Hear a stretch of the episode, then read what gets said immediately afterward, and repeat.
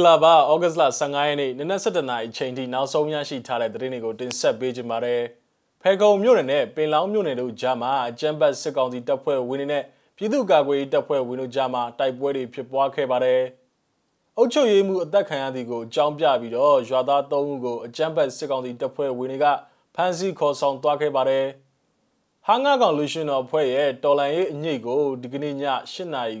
ဝင်းကျင်ချိန်မှာတိုက်ရိုက်ထုတ်လင်းတင်ဆက်သွားဖို့ရှိနေတယ်လို့သိရပါတယ်။စတဲ့သတင်းကြောင်းရတွေကိုသတင်းထောက်ကျွန်တော်ထွန်းထွန်းဝင်းကတင်ဆက်ပေးခြင်းပါတယ်။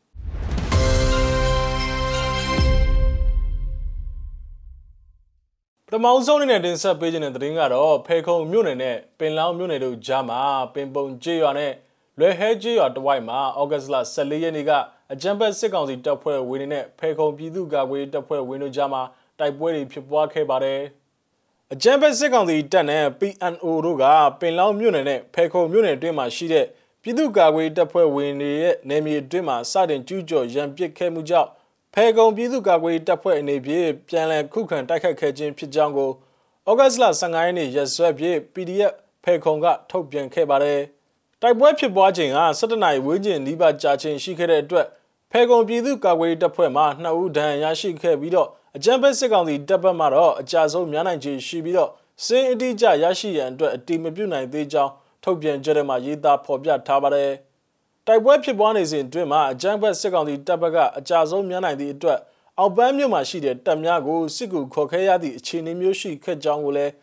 သတင်းကြားသိရတယ်လို့ပြည်သူ့ကာကွယ်တပ်ဖွဲ့ဝင်တွေကဆိုပါတယ်။ပ င်ပုံကျွရွာနဲ့လေဟဲကျွရွာတို့ကြားမှာအကြံဖက်စစ်ကောင်စီတပ်နဲ့ဖဲကုံပြည်သူ့ကာကွယ်တပ်ဖွဲ့ဝင်တို့ဖြစ်ပွားခဲ့တဲ့တိုက်ပွဲမှာဖဲကုံပြည်သူ့ကာကွယ်တပ်ဖွဲ့ဒီမော့ဆိုပြည်သူ့ကာကွယ်တပ်ဖွဲ့ MBPDF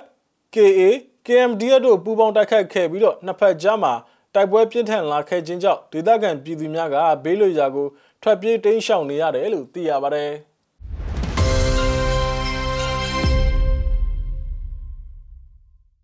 ဆလဘီတင်ဆက်ပေးခြင်းတဲ့သတင်းကတော့မန္တလေးတိုင်းဒေသကြီးပြည်ဦးလင်ခရိုင်မတရားမြို့နယ်မှာရှိတဲ့တပြေချောင်းကျေးရွာရဲ့အကြံဘက်စစ်ကောင်စီခန့်အုပ်ချုပ်ရေးမှူးဦးဝင်းနိုင်ဟာယမန်နေ့နေ့လယ်ပိုင်းကအသက်ခံရပြီးတဲ့အချိန်မှာတော့ညပိုင်းချိန်မှာရွာသား၃ဦးကိုအကြံဘက်စစ်ကောင်စီတပ်ဖွဲ့ဝင်တွေကဖမ်းဆီးခေါ်ဆောင်သွားတယ်လို့သိရပါတယ်။ပြစ်ခတ်မှုဖြစ်ပွားပြီးည၈နာရီဝန်းကျင်ချိန်ခန့်မှာမတရားမြို့မြောက်ဘက်၃မိုင်ခန့်ကွာကတပြေချောင်းကျေးရွာကိုအကြံဘက်စစ်ကောင်စီတပ်သားနဲ့ ရဲတပ်ဖွဲ့ဝင်18ဦးခန့်ရောက်ရှိလာပြီးတော့ရွာသား3ဦးကိုဖမ်းဆီးခေါ်ဆောင်သွားခဲ့ခြင်းဖြစ်ပါတယ်စစ်တပ်ကအာဏာသိမ်းပြီးမှသူကအုပ်ကြီးဖြစ်လာတာအရင်ကတော့ကြန့်ခိုင်ရေးပါတီကမနေ့ကဂရိနာရွာနာကဘောင်လမ်းမကြီးဘေးမှာတနက်နဲ့အပြစ်ခံရတာခါနာကိုတစ်ချက်မှန်ပြီးတည်သွားတာပဲလို့ဒေသခံတို့ကဆိုပါတယ်အသက်40အရွယ်တည်ဆုံးသူအုပ်ချုပ်ရေးမှုရဲ့ရုပ်လောင်းကိုတော့အကြမ်းဖက်စစ်ကောင်စီတပ်သားတွေကမနေ့ကတည်ဆောင်သွားခဲ့ပြီးတော့ဒီကနေ့နံနက်ပိုင်းမှာတော့ရွာကိုပြန်ပို့လာကြောင်းသိရပါတယ် ညဘက်ကြီးရွာထဲကိုစစ်သားတွေရောရဲတွေကဝင်လာပြီးလမ်းမှာတွေ့တဲ့ကောင်လေး၃ယောက်ကိုဖမ်းသွားတာအပြဒီကောင်လေးတွေကတောင်းရလှုပ်တဲ့ကောင်လေးတွေလက်လုံလက်စားလောက်ကစားတောက်တဲ့သူတွေဘဲကိုဖမ်းသွားလဲဆိုတာတော့မသိရသေးဘူးကျွန်တော်တို့လည်းကြောက်တော့မစုံစမ်းရသေးဘူးလို့ဒေသခံတူကဆိုပါတယ်ဖမ်းဆီးခံရသူများမှာအသက်30ကျော်အရွယ်များဖြစ်ပြီးတော့ကိုဖိုးသူကိုစင်ကိုအောင်သေးဦးတို့ဖြစ်ကြပါတယ်အင်ဂျင်နေရာဝင်းကျင်ကန်ရှိတဲ့တပီချောင်းကျွော်မှာ အကြမ်းမဲ့စစ်ကောင်စီကခန့်အပ်တဲ့အုပ်ချုပ်ရေးမှုမှစစ်သားများခေါ်ဆောင်လာပြီးရွာတွင်းမှာမှွေနှောက်ခဲ့တာကြောင့်ဒေသခံများထွက်ပြေးတိမ်းရှောင်ရသည့်အခြေအနေမျိုးကလည်းလွန်ခဲ့တဲ့တလဝင်းကျင်ခန့်ကဖြစ်ပွားခဲ့ပါသေးတယ်နောက်ထပ်တင်ဆက်ပေးခြင်းတဲ့သတင်းကတော့နမကြီးလူရှင်တော်အဖွဲ့တစ်ဖွဲ့ဖြစ်တဲ့ဟာငါကောင်လူရှင်တော်အဖွဲ့ရဲ့တော်လိုင်းရေးအငိတ်ကိုမြစီမာ TV D-Day Channel PVTV မြန်မာတို့မှာဒီကနေ့ည8နာရီ ချိန်မှာတိုက်ရိုက်ထုတ်လွှင့်တင်ဆက်သွားဖို့ရှိနေတယ်လို့သိရပါတယ်။မြန်မာနွေဦးဒေါ်လာရေးကိုဆွေးနွေးနေကြတဲ့နမဲကြီးလူရှင်တော်အဖွဲ့တစ်ဖွဲ့ဖြစ်တဲ့ဟာငါကောင်အဖွဲ့ရဲ့ဟာရရတပိတ်ဒေါ်လာရေးအညိတ်ကိုဒီကနေ့ဩဂတ်လ15ရက်နေ့ည8နာရီအချိန်မှာတိုက်ရိုက်ထုတ်လွှင့်တင်ဆက်သွားဖို့ရှိနေတယ်လို့သိရပါတယ်။ဒီ day channel နဲ့ PVTV မြန်မာတို့ရဲ့လူမှုကွန်ရက်စာမျက်နှာကနေတဆင့်တပြိုင်တည်း live ထုတ်လွှင့်တင်ဆက်သွားဖို့ရှိနေပြီးတော့ မြစည်းမ TV Channel မှာတော့ဂျိုရုရုပ်တံလိုင်းအပါအဝင်မြစည်းမ New in Burmese လူမှုကွန်ရက်စာမျက်နှာကနေတဆင့်တိုက်ရိုက်တင်ဆက်သွားဖို့ရှိနေပါတယ်စစ်အာဏာရှင်စနစ်တော်လှန်ရေးအတွက်လက်နက်ကင်နေမြေတစ်ခုကိုရောက်ရှိနေကြတဲ့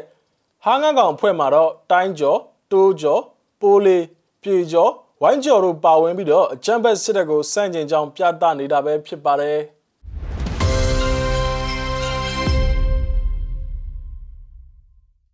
ထမန်တင်ဆက်ပေးခြင်းတဲ့သတင်းကတော့တရုတ်ဆိုးရရဲ့ပိုးလမ်းမှရဝန်းသစ်စီမံကိန်းနဲ့ပတ်သက်ပြီးလူခွင့်ရေးချိုးဖောက်မှုများဆိုင်ရာအစီရင်ခံစာထွက်ပေါ်လာခဲ့ပြီလို့နိုင်ငံတကာသတင်းဌာနတွေကရေးသားဖော်ပြနေပါတယ်။တရုတ်ဆိုရရဲ့ပိုးလက်မရဝန်းသစ် BRI တို့ပြည်ပမှာလုပ်ကိုင်နေတဲ့တရုတ်ကုမ္ပဏီများရဲ့လူခွင့်ရေးချိုးဖောက်မှုများနဲ့သက်ဆိုင်ရာလူမှုအတိုင်းဝိုင်းများမှာခွဲခြားဖယ်ကျင်ခြင်းခံရခြင်းများနဲ့ပတ်သက်ပြီးကိစ္စပေါင်း689ခုတည်းမနည်းကိုဖော်ပြတဲ့ အစီရင်ခံစာတစ်စောင်ထွက်ပေါ်လာခဲ့ပါတယ်။စီးပွားရေးနဲ့လူခွင့်ရေးအရင်းမြစ်များစင်တာ BHRC ရဲ့ဩဂတ်စ်လ17ရက်နေ့ကထွက်ရှိလာခဲ့တဲ့အစီရင်ခံစာမှာတော့လူခွင့်ရေးချိုးဖောက်မှုများဟာအုပ်ချုပ်မှုအားနည်း၍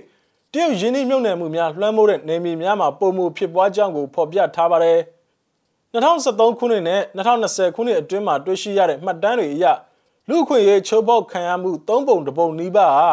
မြန်မာနိုင်ငံ၊လာအိုနိုင်ငံ၊ ကမ္ဘောဒီးယားနိုင်ငံနဲ့အင်ဒိုနီးရှားနိုင်ငံတို့အပါအဝင်အရှေ့တောင်အာရှမှာဖြစ်ပွားခဲ့ကြောင်းကိုအစီရင်ခံစာမှာဖော်ပြထားတာပါ။ပီရူးနိုင်ငံနဲ့အီကွေဒေါနိုင်ငံပါဝင်အာဖရိကနဲ့လက်တင်အမေရိကနိုင်ငံများမှာလည်းဖြစ်ပွားမှုတွေများပြားခဲ့ကြောင်းကိုဖော်ပြထားပါတယ်။လူခွင့်ရေးချိုးဖောက်မှုများပြားတဲ့တထုနဲ့တွင်းထွက်ပစ္စည်း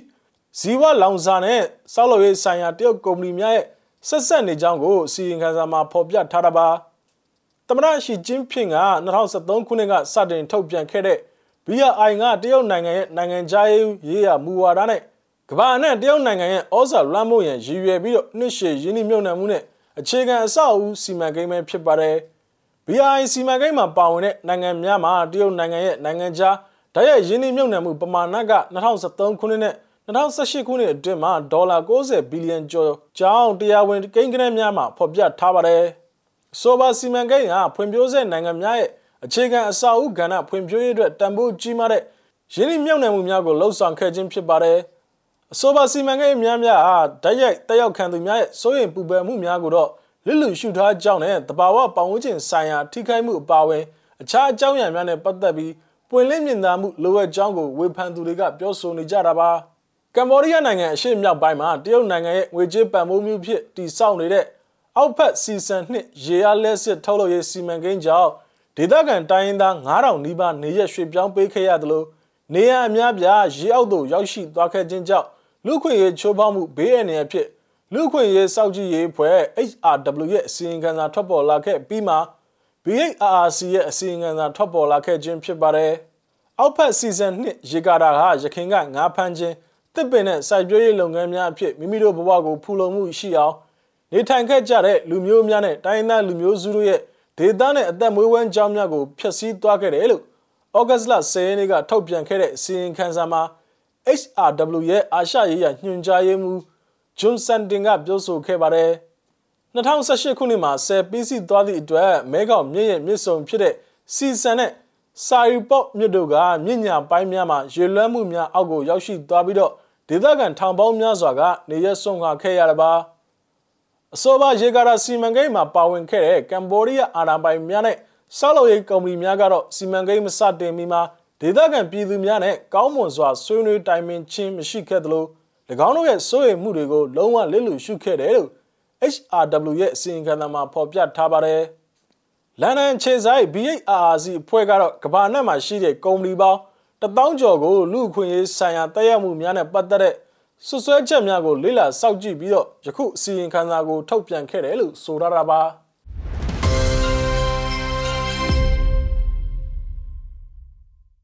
နောက်ဆုံးအနေနဲ့တင်ဆက်ပေးခြင်းတဲ့သတင်းကတော့အချမ်းဖက်စစ်ကောင်စီရဲ့အမိန့်မှန်သမျှကိုစန့်ကျင်ကြားဆိုတဲ့ကြွေးကြော်တန်တဲ့ပြည့်မုံရပင်မတပိတ်စစ်ကြောင်းဟာဒီကနေ့ဩဂတ်စ်လ15ရက်နေ့နေ့နက်ပိုင်းအချိန်ကမုံရမြို့မြို့ရင်းတနေရာမှာအာနာရှင်စနစ်မုတ်ချကြဆုံးရမယ်ဆိုတဲ့ဟောပြောမှုတစ်ခုပြုလုပ်ခဲ့ပြီးတော့ အချမ်းဖက်စစ်တပ်ကိုစန့်ကျင်ကြောင်းပြသခဲ့ကြပါတယ်။နောက်ထောင်ကြည့်ရအောင်ပါ။ကျွန်တော်တို့ဒီຫນွေဦးတော်လှန်ရေးကိုစတင်ခဲ့တာကကျွန်တော်တို့မတရားမှုတွေဖိနှိပ်မှုတွေကိုမလိုလားတဲ့အတွက်စန့်ကျင်ခဲ့တာဖြစ်တယ်။စစ်အာဏာရှင်စနစ်ကိုလုံးလုံးမလိုလားခဲ့တဲ့အတွက်စန့်ကျင်ခဲ့တာဖြစ်တယ်။ဒီလိုကျွန်တော်တို့စစ်အာဏာရှင်စနစ်ကိုစန့်ကျင်တဲ့အတွက်ကျွန်တော်တို့ရဲ့လူငယ်တွေကသွေးရိုင်ထဲမှာအသက်ပေးခဲ့ရတယ်။ကျွန်တော်တို့မိဘပြည်သူတွေစစ်အာဏာရှင်စနစ်ကိုပြင်းပြင်းထန်ထန်စန့်ကျင်တဲ့လူငယ်တွေကရက်ဆက်ချမ်းကျုံလိုက်တဲ့စစ်ကြောရေးစကန်တွေထဲမှာ ကျွန်တော်တို့အချင်းတောင်တွေထဲမှာရောက်ရှိနေတာဖြစ်တယ်။ဒီလူတွေရဲ့မျက်နှာကိုမြင်အောင်ပြီးတော့ကျွန်တော်တို့တွေစစ်အာဏာရှင်စနစ်ကိုစန့်ကျင်ဖို့ဆိုရင်အမြဲတမ်းပွင့်နှွေးနေကြပါဒါပြင်ကျွန်တော်တခုပြောချင်တာကအကြမ်းဖက်စစ်ကောင်စီကကျွန်တော်တို့ကိုလုံးဝကိုစားမပြုဘူးဒါအတွက်သူတို့ထုတ်တဲ့အမိန့်တွေကတရားဝင်မှုလုံးဝမရှိဘူးတရားဝင်မှုမရှိတဲ့အပြင်ကျွန်တော်တို့မတရားဘူးမတရားတဲ့အမိန့်တွေကိုတောင်းဝင်ရပြည်စမ်းမှာကျွန်တော်တို့ပြည်သူလူထုတောင်းဝင်ဖြစ်တယ်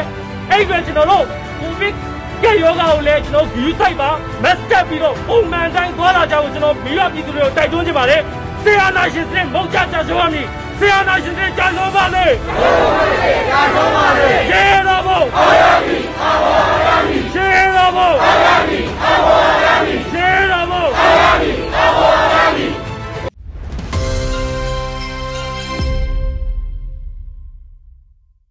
ဟုတ်ကဲ့ပါဩဂတ်စ်လ15ရက်နေ့နနက်7:00နာရီချိန်ထိနောက်ဆုံးရရှိထားတဲ့သတင်းတွေကိုကျွန်တော်တို့မျိုးစိမဝိုင်းတော်သားများကနေပြီးတော့တင်ဆက်ပေးခဲ့တာပါမြန်မာပြည်နဲ့မှာနေထိုင်တဲ့မိဘပြည်သူတွေအကုန်လုံးဘေးရန်နဲ့ကင်းရှင်းကြပါစေလို့ဆုမကောင်းတောင်းအပ်ပါတယ်လက်ရှိဖြစ်ပွားနေတဲ့ COVID-19 ရောဂါနဲ့ပတ်သက်ပြီးအထူးကူးစိုက်ကြဖို့ကိုကျွန်တော်တို့မျိုးစိမဝိုင်းတော်သားတွေက